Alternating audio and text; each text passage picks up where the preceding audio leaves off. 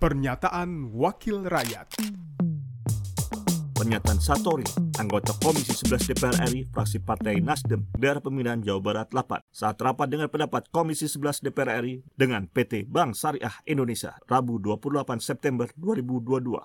Eh, saya tertarik dengan pilot proyek, Pak.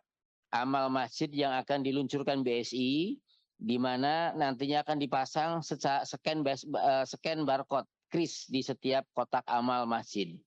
Ini merupakan terobosan program yang sangat menarik sekali, Pak. Artinya bisa melalui eh, barcode, tetapi bisa bisa membangun masjid.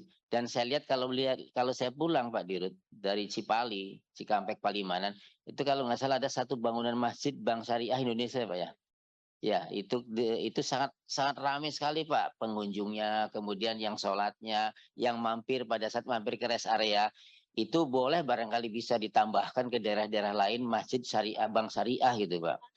Siap, Gitu siap, Pak. gitu pak. Artinya bisa menarik perhatian masyarakat begitu datang lewat tol sambil capek tidak terlalu jauh-jauh di situ tersedia juga sarana prasarana peribadatan ya kalau perlu tadi pak Kamrus Samad juga yang menyusulkan gitu pak.